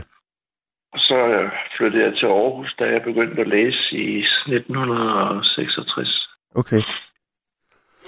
Hvad, øh, hvordan var dine forældre? Øh, min far, han var egentlig god nok. Og det troede jeg også, min mor var, dengang jeg boede hjemme. Men senere fandt jeg ud af, at hun var en dum skid. Hvordan det? Øh, jamen, hun var... Øh, øh, hvordan skal jeg nu sige det? Hun var... Øh, jeg kan fortælle dig et, et, et, hvad hedder det, en episode. Hun var, hun var sygeplejerske. Ja. Hjemmesygeplejerske de senere år. Og hun øh, tog rundt og passede sine øh, søskende og sine sviger, øh, sviger mekanismer, da, når, når, de lå for døden. Så tog hun rundt og passede dem. Og øh, jeg skal lige... Et øjeblik. Du går og dæmser. Hvad siger du? Du går og dæmser. Ja, hvad går jeg hvad? Og dæmser. Nå, det kan godt være. Det ved jeg ikke, hvad er. Jamen sådan og piller lidt. Nå, men jeg lige siddet og spist aftensmad. Øhm, nej, dem tog hun rundt og passede, når de lå for døden. Og så blandt andet hendes søsken. De var 14 søskende. Hold da op. sige, det var 13. Den ene døde. Øhm, og øhm, så var hun i Glostrup og passede sin, øh, sin søster, som var, hvad hedder det, hun var øh, lige efter hende. Og øh, så var hun nødt til at tage hjem til Skive og holde en lille pause, fordi hun kunne ikke holde til det mere. Ja. Så hun øh, tog tog til Aarhus, og der var min far, øh, han var over hos min bror, der også boede i Aarhus. Og øh, så... Øh, så, ja, undskyld, jeg er noget forvirret. Så, øh, så, var de, så var togen derover, og så skulle de så køre hjem til Skive, hvor hun skulle så være en uges tid, og så skulle hun så tilbage og passe min moster videre. Ja. Øhm, og så øh, blev jeg ringet, nej, så øh, blev jeg ringet op af min, øh, jeg kan ikke huske, den moster eller ved, kusine eller sådan noget derovre fra, at hvis hun ville se sin, sige farvel til sin søster, så var det nu, fordi nu var hun virkelig, nu lå hun virkelig for døden. Og så skyndte jeg mig så at køre over til min bror. Han lå fem minutters cykelkørsel fra mig.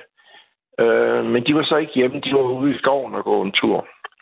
Og så sad jeg så og ventede på trappestenen derovre, til de kom tilbage. Og så sagde jeg til min mor, at nu skal du altså til Glostrup og sige farvel til din søster, hvis du vil, hvis du vil nå det, så er det nu. Ja. Og så sagde jeg, at jeg vil godt køre hende derover. og så kørte vi så som død og helvede ned over Fyn, og kom så derover. Og så da vi kom til hospitalet, jeg kan ikke huske, det var et eller andet stort hospital derovre i Københavnsområdet, ja. så kom min øh, kusine så ned i forhallen, og så kunne jeg se på hende, at det var galt. Ja. Og så var min moster altså lige død. Og så sagde min mor nogle lyde, som nok skulle forestille at græde. Jeg har aldrig hørt min mor græde før, men, men det her, det skulle nok forestille, at hun, hun græd. Øhm, og så øh, gik hun så op og sagde farvel, eller det gjorde hun ikke, for hun var jo død, min moster. Og så øhm, tror jeg, vi kørte hjem dagen efter. Og så kørte jeg hende så helt til Skive, og da jeg så kom derop, så gik min mor ud i køkkenet for at hun skulle gå ud og have et eller andet drik eller sådan noget. Og der stod min far ude, og så gik han hen imod hende og ville give hende et knus. Og så vendte hun ryggen til ham.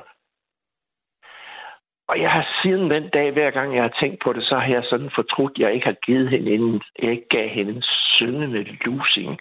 Hun skulle simpelthen have haft sådan en lusing, den møgkælling.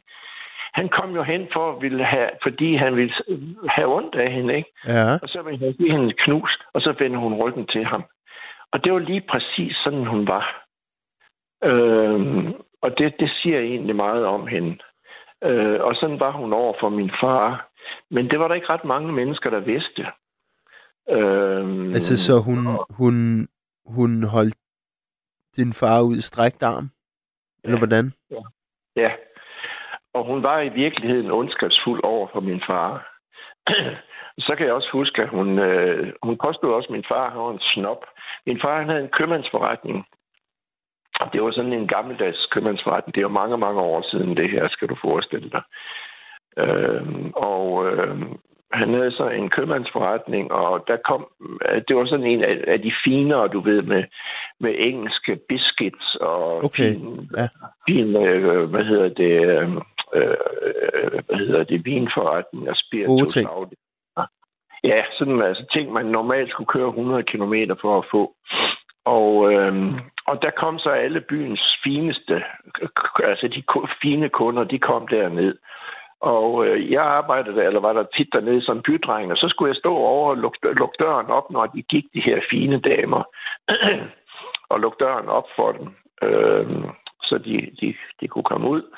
Og, øh, og øh, så kan jeg huske, at min mor sagde, at min far han var en snop. Og, og min far, han var, han var måske nok snobbet, men, men, men, men han, var, han, han behandlede kunderne sådan, som de forventede at blive behandlet. Ikke? Og fru tandlæge Dragheim, hun forventede, at der var en, der åbnede døren for hende, når hun, når hun skulle ud. Ja. Men samtidig, så var der lige overfor, der lå der et hotel, og der var en tjener, der arbejdede derovre. Han hed Tjener Stævn. Og han kom samtidig øh, ind og, og i bagtræ, hvad hedder det, ind af bagdøren. Jeg sad altid ude i bagbutikken. Jeg måtte ikke, øh, jeg måtte ikke komme ind i butikken, medmindre jeg skulle åbne døren for fru med Dragheim og de andre fine. Og øh, så kom han ind ad bagdøren der, og så sagde han til mig, åh, kan du ikke lige gå hen og spørge din far, om ikke jeg kan få købt to øl på kredit? Og det var, fordi han havde nogle frygtelige tømmermænd, og den eneste måde, han kunne komme i gang på, det var jo, at han fik to bajer, og så kunne han så nogenlunde fungere Ja, igen, ikke? ja. Og så fik han to bajer på kredit, fordi sådan forventede han, at han blev behandlet. Og Tandlæge Dragheim, hun forventede, at døren blev åbnet for hende. Ikke? Og, og hvis man vil drive sådan en forretning, så er man nødt til at, at gøre det på den måde der. Ikke? Og det har min mor jo ikke fattet, vel?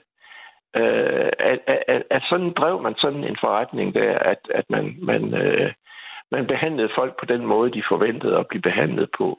Var din mor et lille menneske? Øh, fysisk, Nej, sådan menneskeligt. ja, det synes jeg faktisk, hun var. Okay. Hun var, øh, hun var også lille fysisk. Ja. Øh, men jeg kan også huske en gang, hun, øh, at de havde været i teater eller sådan noget, og så, så sagde hun, at, at så, så politimesteren var kommet, da de stod og ventede på at få deres tøj, da øh, forestillingen var slut. Og så sagde han, ja, han hilste jo ikke på dig mere. Det, det gør han jo ikke mere. Øh, og, og det har så et eller andet at gøre med, at, at, at, at han, han ikke kom i forretning mere. Så der, der, der, havde, han- der havde min far solgt forretningen. Og, øh, og det, det, det synes hun var trist, at han ikke gjorde det. Min far, han var sgu da ligeglad med ham, om politimesteren hilste på ham mere, men det var min mor ikke, fordi hun var den op. Hvordan... Øh, Og så en anden, så skal jeg lige fortælle dig en anden historie. Det var en gang, øh, jeg har været et par år gammel, tror jeg. Og så havde vi været nede i byen og købe ind. Og så på vej op, øh, på vej hjem, så kom vi forbi sådan en legetøjsforretning. Jeg, den lå nede i en kælder, kan jeg huske. Og så stoppede vi. Jeg skulle lige have lov at komme ind og, og kigge ind af, af vinduerne der. Og der var så en eller anden øh, legebil eller et eller andet, som jeg gerne ville have. Og det, det måtte jeg ikke på. Og jeg tudede, og så sagde hun, nå, jamen ved du hvad, så kan vi også køre ned til slagteren og aflevere kødet nede hos ham igen. Og så siger vi til far, at han ikke får noget kød til aftensmad. Synes du, vi skal det? Og det har hun senere fortalt mig som sådan virkelig et eksempel på virkelig god pædagogik. Og det var fuldstændig vanvittigt at opfordre en dreng på to år til at bestemme, om man skulle køre ned og levere kød tilbage. Ikke? Ja. Altså, men det, det var hun så stolt af. Og altså, hun var så dum, ærlig. Helt Hvor- ærligt. Hun- hvor mange... Havde du nogle søskende? Ja, Jeg havde en, en, en bror, Okay. Og, men ham stod jeg ikke mere. nej. Øhm, hvordan var din mor derhjemme? Jamen, det har jeg jo næsten lige fortalt. Ja, men, jamen, nå, men altså, nu tænker jeg også, altså, og, altså sådan, i løbet af din opvækst, altså fordi jo, jeg kan jo godt høre, de her historier tegner et bestemt billede, men jeg undrer mig så også over, der, der er også en, en, der hedder Jens, der lidt skriver det samme. Hvorfor har hans far dog valgt sådan en dum kælling? Skriver Jens. Mm, Jamen, det er også rigtigt. Det ved jeg ikke, hvorfor han har det. Altså, jeg skal lige fortælle for øvrigt, at min far, han kom fra Hirtshals, Ja, og, og vi boede i Skive. Og øhm, han kom fra Hirtshals, og, og, og, og de var jo meget indre missionske deroppe den, på, det, på det tidspunkt dengang. Øhm, og, øh, og så flyttede han så til, til Salling. Og det var jo nærmest, det ville jo svare til, at jeg flyttede til, til Australien nærmest, ikke? Altså, det var, okay. Men det ved de jo, altså det var jo så langt væk. Øh, Ja. ja. altså, og, og, og så blev han i øvrigt en af de bedste til at spille vest i hele Salling. Og, og, og det var helt fantastisk, for jeg tror aldrig, han har set et spil kort i i Hirtshals, Okay. før han kom der. Så, så øh, altså på den måde, han var, han var god til at tilpasse sig. Øhm, og han var, øh, han var utrolig rar, utrolig rart menneske. Øhm, og det var egentlig først dengang, jeg var flyttet hjemmefra, at det gik op for mig, øh, hvad det hvad, hvad for en person han egentlig var. Øhm, fordi min mor, hun havde nærmest forsøgt at holde os adskilt, øh, indtil jeg flyttede hjemmefra. Hvad, hvad kom din mor af? Hun kom fra en, øh, en øh, gård ude i Salling. Okay. Ja, det kan du næsten sige dig selv, når de var 14 fødsel. Ja, ja, men jeg tænker, altså, øhm, når de er 14, så kan hun jo heller ikke have været specielt tæt med sine egne forældre, gætter jeg på. Øhm, men jeg, altså, det, det jeg nok egentlig fisker lidt efter, det er, hvorfor var hun, som hun var? Jamen, det ved jeg ikke, hvorfor, hvorfor er folk, som de er. Altså, jeg har egentlig en mistanke om, at hendes forældre, de mindede egentlig lidt om, om, om, om, om min mor og min far. Altså, hendes far, han var også utrolig rar. Øh, Jeg har aldrig kendt ham, men sådan som det, det jeg forstår, så har han været utrolig rar. Ja. Og hans, hendes mor, hun var sådan mindet lidt mere om hende. Øhm, men det, det, det ved jeg ikke. Altså, hvorfor, hvorfor bliver folk, som de bliver, det, det er jo ikke godt at vide. Nå, men altså, jeg kan jo tydeligt høre, at du ikke har haft lyst til at, at gentage det, øh, det, din mor har gjort, men er det noget... Har du følt dig mærket af det i dit, i dit liv? Altså, Om jeg har følt mig mærket af det? ja, din mors opvækst, eller at, at, at din mors opdrag af dig? Altså, Mm, det ved jeg egentlig ikke, om jeg har. Det... Altså, jeg, jeg har altid været en dårlig kæreste, vil Ja. jeg sige. Okay. Jeg har ikke nogen. Det er mange det er 15 år siden, jeg har haft en kæreste. ja. Øhm, og til sidst så, så fandt jeg ud af, at jeg ville ikke have flere kærester, fordi jeg synes, jeg synes ikke, jeg var rar imod de, de piger, jeg var kærester med, Nej. så jeg droppede det simpelthen.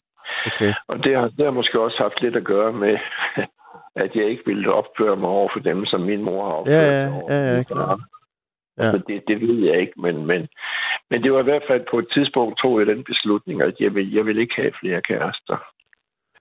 Øhm, og det tror jeg har noget at gøre med, at, at jeg, vil ikke, jeg vil ikke behandle dem så dårligt, som min mor havde Ja. behandlet min forblev dine forældre sammen? Ja, ja. Jamen, det gjorde man jo dengang. Du skal tænke på, at de er jo født i, hvad, de er jo født i 1911 og 1919. Ja. Ja. Altså, den, den, den årgang, de blev jo ikke skilt. Nej, nej, nej, nej, det er tror klart. Også, jamen, jeg tror også, min far, han synes, at det var, som det skulle være. Altså, øh, det, det tror jeg egentlig, at, at han synes, det var helt i orden. Så, Det er også sjovt, ikke? Fordi, altså, jeg tænker da, at når man hører de historier, du fortæller, så man må man da tænke, at han må da være ved at blive sindssyg.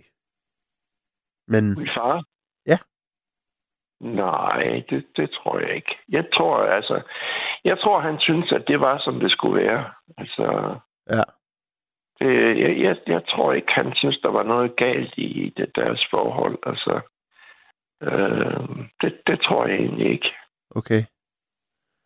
Øh, og det er sjovt, fordi jeg har samtidig snakket med min bror om det, og han har ikke, han har ikke fattet en skid af det.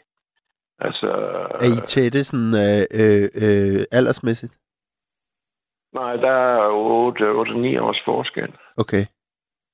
Øh, men han synes, min mor var helt i orden, men altså, han er heller ikke ret klog, min bror. Så. Okay.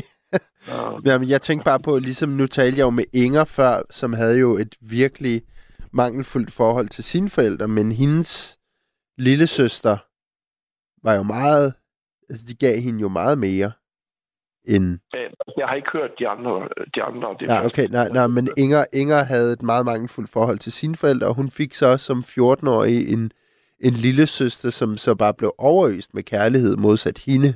Altså, Ja. er det, er, er, men det, er det tilfældet også med din bror? Altså, Øh, jamen, jeg ved det ikke, altså, fordi at jeg blev vel egentlig også overøst med kærlighed. Øh, øh, jeg, jeg ved det ikke, altså. Jeg kan huske en gang, min mor sagde til mig, øh, at hun holdt mere af mig, end hun gjorde af min bror. Og det var jo fandme noget sært noget. ja, det er sært at sige. Ja, Det synes jeg simpelthen, det var så under al kritik at sige det. Altså, jeg har selvfølgelig aldrig nogensinde sagt det til min bror, når jeg går ud fra, at han ikke hører udsendelsen her.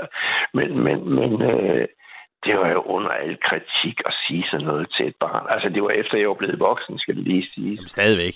Altså, Ja, det var, altså, hvad fanden skulle jeg bruge det til? Altså, det, det var, øh, nej, det, det var, altså, det sagde også noget om hende, at, at øh, jeg kan ikke huske, jeg tror ikke, jeg, jeg tror ikke, jeg sagde noget til det. Jeg lød, som om jeg ikke havde hørt det. Øh, men, men, øh, men, men, nej, jeg, det, det synes jeg, det var så lavt at sige sådan noget.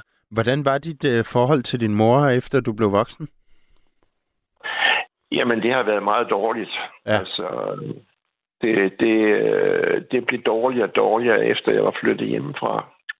Øhm, og det blev ringere og ringere. Altså, Altså, og, og var det fordi, du ligesom selv blev, blev mere bevidst om, hvordan hun Ja. var i verden? jeg kunne bedre og bedre, jeg kunne bedre og bedre indse, hvad, hvad hun havde været for en en. Så, så øh, altså, jeg længte simpelthen efter, hun døde. Jeg havde det også sådan, at øh, efter jeg var flyttet hjemmefra, det håbede jeg virkelig på, at, at min mor ville dø først, så jeg kunne have min far for mig selv i nogle år. Ja. Det, desværre så var det omvendt. Min, min, min far han døde en halvsnes år før min, min mor. Okay. Øhm, Nåede du, nåede du øhm, altså i, de andre lyttere spurgte jeg også om, om du egentlig, øhm, det kan godt være et lidt underligt, banalt spørgsmål, men kendte du dine forældre? om jeg kendte dem. Ja, altså om du kom, var, var tæt med dem, for man kan jo godt kende en person og vide, hvad de hedder og hvad de går op i, men altså at kende dem som mennesker, altså var du tæt med dem på den måde? Mm, nej, det synes jeg ikke, jeg var. Altså, jeg begyndte at blive det lidt med min far efterhånden. Ja. Øhm, det, det, det, blev jeg mere og mere tættere med ham. Altså, øh, og jeg kan huske, der var en gang, jeg var... Øhm, jeg kørte med ham. Øh, ja, det, det jo nogle sjove historier. det var fordi, han var bange for, at han var ved at blive dement. Ja.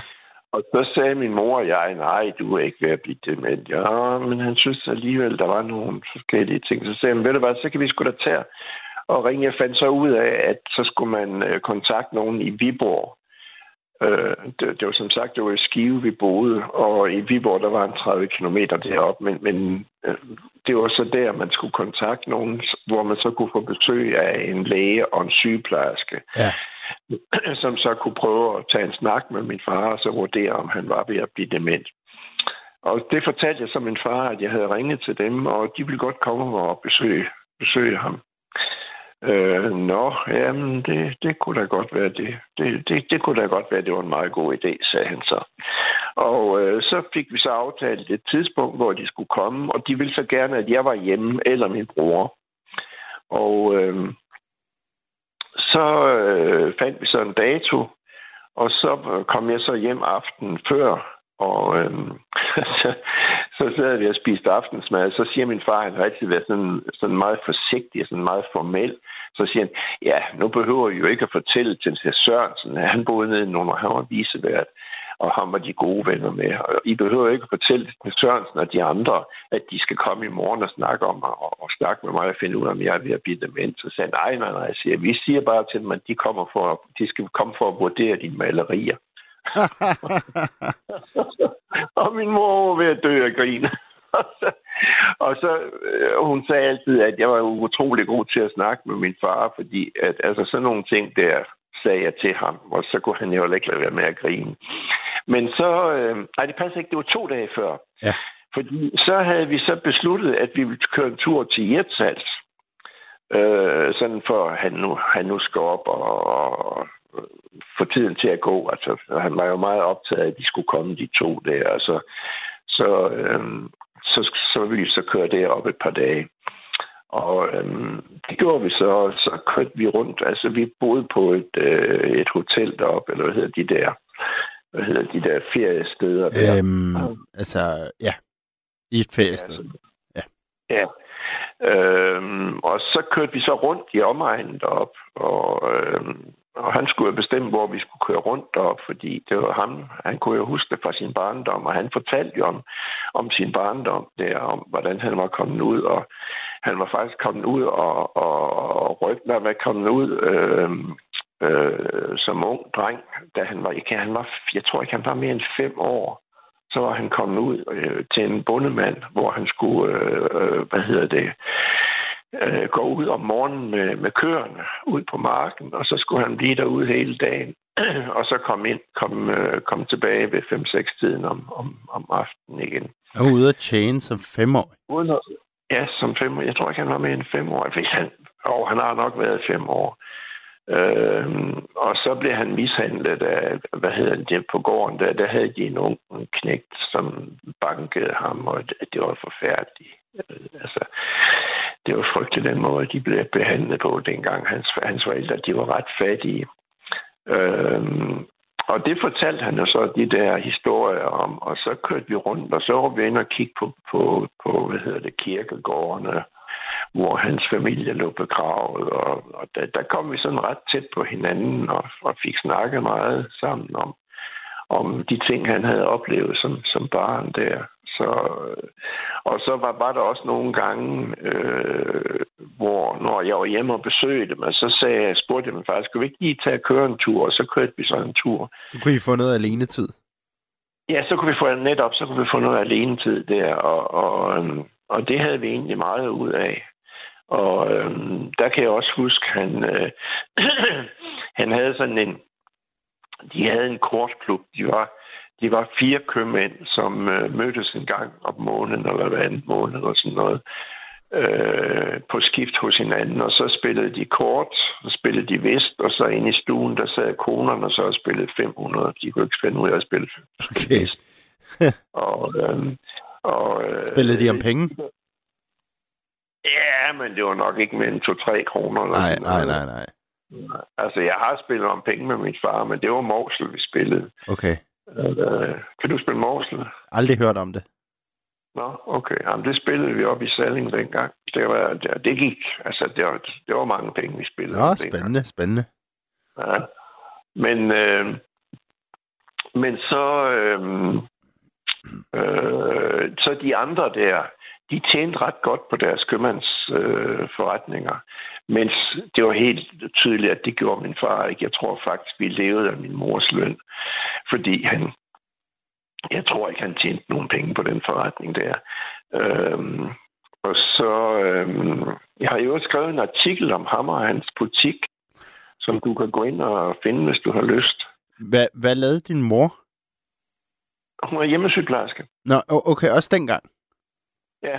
Nå, okay. ja, hun jeg, jeg startede tro... med at være sygeplejerske, og så var hun hjemmesygeplejerske. Okay. Nå, jeg tænkte at først, at hun var det meget senere i livet. Altså, fordi dengang, så var hun måske hjemmegående, mens han havde sin butik. Nej, hun var hjemmegående, da jeg var barn. Ja. Øh, men hun var ikke hjemmegående, da min bror var, var barn. Der havde hun en ung pige i huset til at, Okay. til at passe ham. Ja. Men, men øh, altså, de tjente penge der, og det gjorde, min far garanteret ikke. Og, og, og det kunne jeg godt mærke på ham, at han havde sådan... Han var sådan, øh, hvad hedder sådan noget, øh, jeg vil ikke sige, at han var deprimeret. Jo, han var egentlig deprimeret. Ja. Øh, og, øh, og det kunne man godt mærke på ham, og man kunne også godt mærke, jeg kan ikke huske en gang, jeg fik ham til at sige, at det var nok var rigtigt nok, at de andre de tjente mere på deres forretninger, end han gjorde. Jeg kan ikke huske, hvordan det var, jeg fik ham til at sige det. Men, men øh, så sagde jeg til ham en gang, vi var på en af vores ture der, så sagde jeg til ham, når, når nu I dør, hvem tror du, hvad for en forretning tror du så, det er, folk vil huske mest?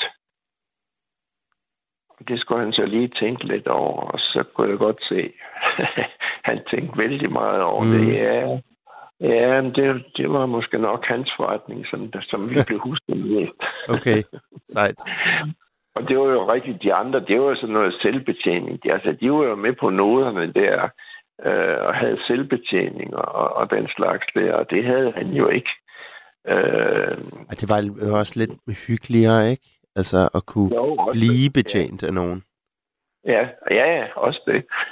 Øh, men men øh, altså på den måde, der, der var jeg ret god til at få ham til at indse nogle ting. Øh, så det kan du godt sige, at det var, at vi var tæt på hinanden. Ja, ja, ja, ja. Øhm, og og det, det var jeg meget bedre til, end, end min bror var. Fordi, Men det er jo også, altså... øh, Altså, det lyder jo dejligt, men jeg kan jo heller ikke lade være med at tænke, at det er jo egentlig også ærgerligt, at, at det er noget, der kommer så sent. Ikke? Altså, at Hvad kommer sent? altså, I, at I blev tætte på hinanden så sent i livet for, ja, for Ja, ham. Altså, Ja. Men det var min mor, der holdt os fra hinanden. Ja, ja, ja, måde. Øh, jeg kan ikke forklare, hvordan hun gjorde det, men, men, øh, men øh, det lykkedes for hende på en eller anden måde at holde os adskilte. Øh, og, og det var helt klart, at det ønskede hun. Men, men, men hvordan hun gjorde det, det, det, det kan jeg ikke rigtig gøre rede for. Øh, altså var, hun, var hun et ondt menneske? Nej, man kan vel ikke sige, at hun var ond, men, men øh, jeg vil hellere sige, at hun var primitiv. Ja, primitiv, okay, ja. Ja, det, det tror jeg egentlig er. Og det er måske heller ikke den rigtige betegnelse at bruge, men, men, men det var noget i den stil Ja, i hvert fald. Ja. Øh, Men, men det var sjovt, fordi alle mennesker synes jo, hun var et fantastisk godt menneske. Okay. Øh, og det, øh, altså, jeg kan ikke huske, det er ikke så mange år siden, jeg var, jeg var i kontakt med en eller anden, der fortalte om, hvor, hvor godt et menneske min mor var. Hun var så god en sygeplejerske. Og det var sjovt, fordi min mor, hun, hun ville ikke snakke om døden. Nej. Og, og, og, og, og, og, og hvordan fanden kan man have en hjemmesygeplejerske, der ikke kan lide at snakke om døden? Det, det er jo fuldstændig hen i vejret, ikke? Altså, alle de der gamle mennesker, der ligger der, det, det var altså nogle gamle mennesker, der lå for døden, hun var rundt og besøgte. Ja, hun har vel også nærmest været lidt vågekone, kunne man godt gætte på nogle af stederne, ikke? Altså, Jo, jo, men det er jo utroligt, hvis, altså, fordi, altså, så nogen som dem, altså, jeg forestiller mig, at, at de har, de har sådan forsøgt lige så forsigtigt at, at, at, at, at sige nogle ting om, at nu skal jeg jo snart dø, og, og så videre, og, og sagt det til hende, og så har de forventet, at hun vil snakke med dem om det. Og det har hun, det har hun garanteret ikke vildt. ja, ja, ja. Og det undrer mig så også lidt, at hun ikke ville det, fordi hun var meget, meget indre, øh, hvad hedder ikke, hun var meget religiøs. Okay. Og, øh, og, og, og, og, og derfor undrede det mig lidt, at hun ikke ville snakke om døden, fordi hun var ikke bange for at dø. Øh, altså, hun troede, hun kom i himlen. Og, og, øh, og så var der ikke nogen grund til at være bange for døden, vel? Altså, jeg kan bedre forstå, hvis jeg var bange for døden, fordi at jeg, jeg, altså, jeg tror ikke en skid på, på, på et liv efter døden eller noget så, i den stil der. Så det var mere naturligt, hvis jeg ville være bange for at snakke om Det er jo døden. også et, altså et lidt sjovt at, at vælge sådan et, et, et erhverv, der egentlig handler meget om empati, ikke? Og hjælpe andre mennesker, når hun lyder dybt usympatisk. Jo, men handlede det om empati? Det tror jeg ikke, det gjorde dengang. Nej, men det er jo stadig at hjælpe andre, eller ligesom at tage sig af. Ikke? Altså, jo, behandle. men der- der er nogle praktiske ting. Altså tømme deres urinflasker og sådan nogle ting, og give dem en indsprøjtning. Jeg tror ikke, det var så meget empati, eller at- jeg, jeg tror ikke... øh, Jeg tror ikke, det var så meget øh, empati, det handlede om dengang. Det, øh, jeg tror, det handlede mere om nogle praktiske Ja, gøremål, ja. man skulle, tage sig af. Okay. Tror du ikke det? Jo, det, det, jo, specielt for den tid, det tror jeg helt klart. Altså, Ja. der, er ikke så men, der var ikke så meget menneskeligt aspekt i det, måske. Nej, altså så er der så nogen som Florence Nightingale og, den slags personer. Det, der har måske været nogen der, som, som har har haft empati.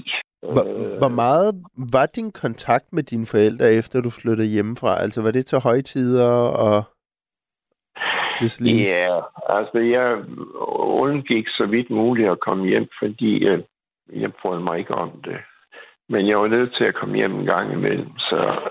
så øh, men, men øh, hun blev heller ikke mildere med alderen, altså som man hører nogen gør. Eller, altså, hvorfor noget? Din mor, hun blev ikke mildere med alderen. Jamen, hun var jo mild. Nå, Altså, det var hun jo. okay. Øh, men, men, øh, men, men, øh, ja, men jeg har nok ikke været god nok til at forklare hende. Altså, øh, hun var jo en mild person. I hvert fald, hvis hun selv skulle sige det. Øh, og også, også som, som jeg også sagde før, også hvis mange andre skulle sige det. Ja, så var hun jo ja, en mild ja, person. ja. Okay. Øh, så øh, man kan ikke sige, at hun, at hun blev mere mild med alderen, fordi det har hun jo altid været, faktisk.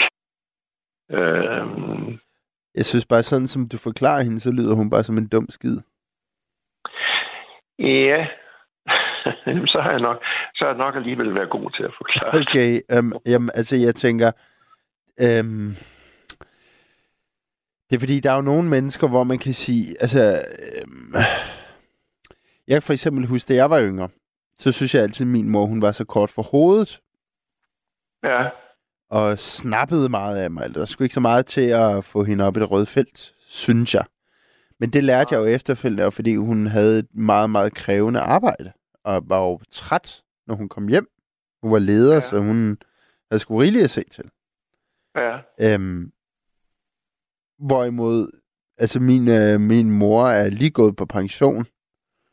Ja. Øh, og har også, hun har egentlig altid været et, et, et meget glad og, og, og mildt menneske, men hun har da fået en del længere øh, øh,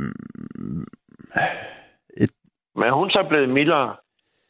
Ja, hun, ej, må få, ej, det er jo nemlig sjovt, for hun har nemlig også altid været mild. Men, men hun har nok fået mere, øh, øh, hvad, hvad er det ord, jeg famler efter? Hun har fået længere snor, tror jeg. Hun har fået længere snor. Jamen, du sagde, hun snappede efter dig. Ja, men det var jo, når jeg selv var skide irriterende, ikke? Altså, hun har nok fået mere, øh, hvad hedder sådan noget? Hun har fået mere patience, øhm, tålmodighed. Tålmodighed. Ja. Tålmodighed, Okay. ja. Ja. Ja. Øhm, så det var nok, altså, men, men, men, men med, med din mor, så lyder det også til at være noget, øh, noget dybere liggende, sådan, altså, i hende, ikke? Altså, øh, selve den måde, hun ligesom har mødt verden på, eller sådan hendes, hendes verdensbillede, der som, som du siger, måske har været primitivt, ikke? Ja. Ja. Men altså, så ved jeg ikke, du sådan en gang imellem, så tænker jeg, den, gør jeg hende nu fuldstændig, øh, er jeg, fuldstændig urimelig over for hende? Er det i virkeligheden mig, der tager fejl, ikke? Mm. Øhm, fordi at jeg har ikke kendt... Jo, det passer. Jo, jeg har kendt øh, et par især en kusine. Ja. Øh, hende, der var datter af hende, som min mor var over og, og, og, og hvad hedder det, over hos, med, med, Ja, indtil hun Ja, døde. ja. Øh, altså, hun, hun siger det på fuldstændig samme måde. Øh, og så også en kusine mere, jeg har. Øh, De, de har givet mig ret i det, at, at de har øh, altså de har fuldstændig samme opfattelse af deres mødre, som jeg har haft af min mor. Nå, okay, så det har simpelthen ligget til søskendeflokken? Ja, ja, det gjorde det. Altså, min, min, øh, som sagt, så var de 13 eller oprindeligt 14, og så døde den. Jeg kan ikke huske, om hun var dødfødt eller sådan noget. Men, Ja. Men de var, de var sådan en, en øh, jeg plejer at sige, en æt. Altså, de var, øh, de var de bedste mennesker i hele verden, den familie der. Ja. Øh, og, og der var ikke nogen, der overhovedet, andre, der nåede dem til, til, til sk- skulder, hvad hedder det? Sokkerholderne. det? Sokkerholderen, ja. Øh, de var simpelthen det bedste af det bedste, den familie der.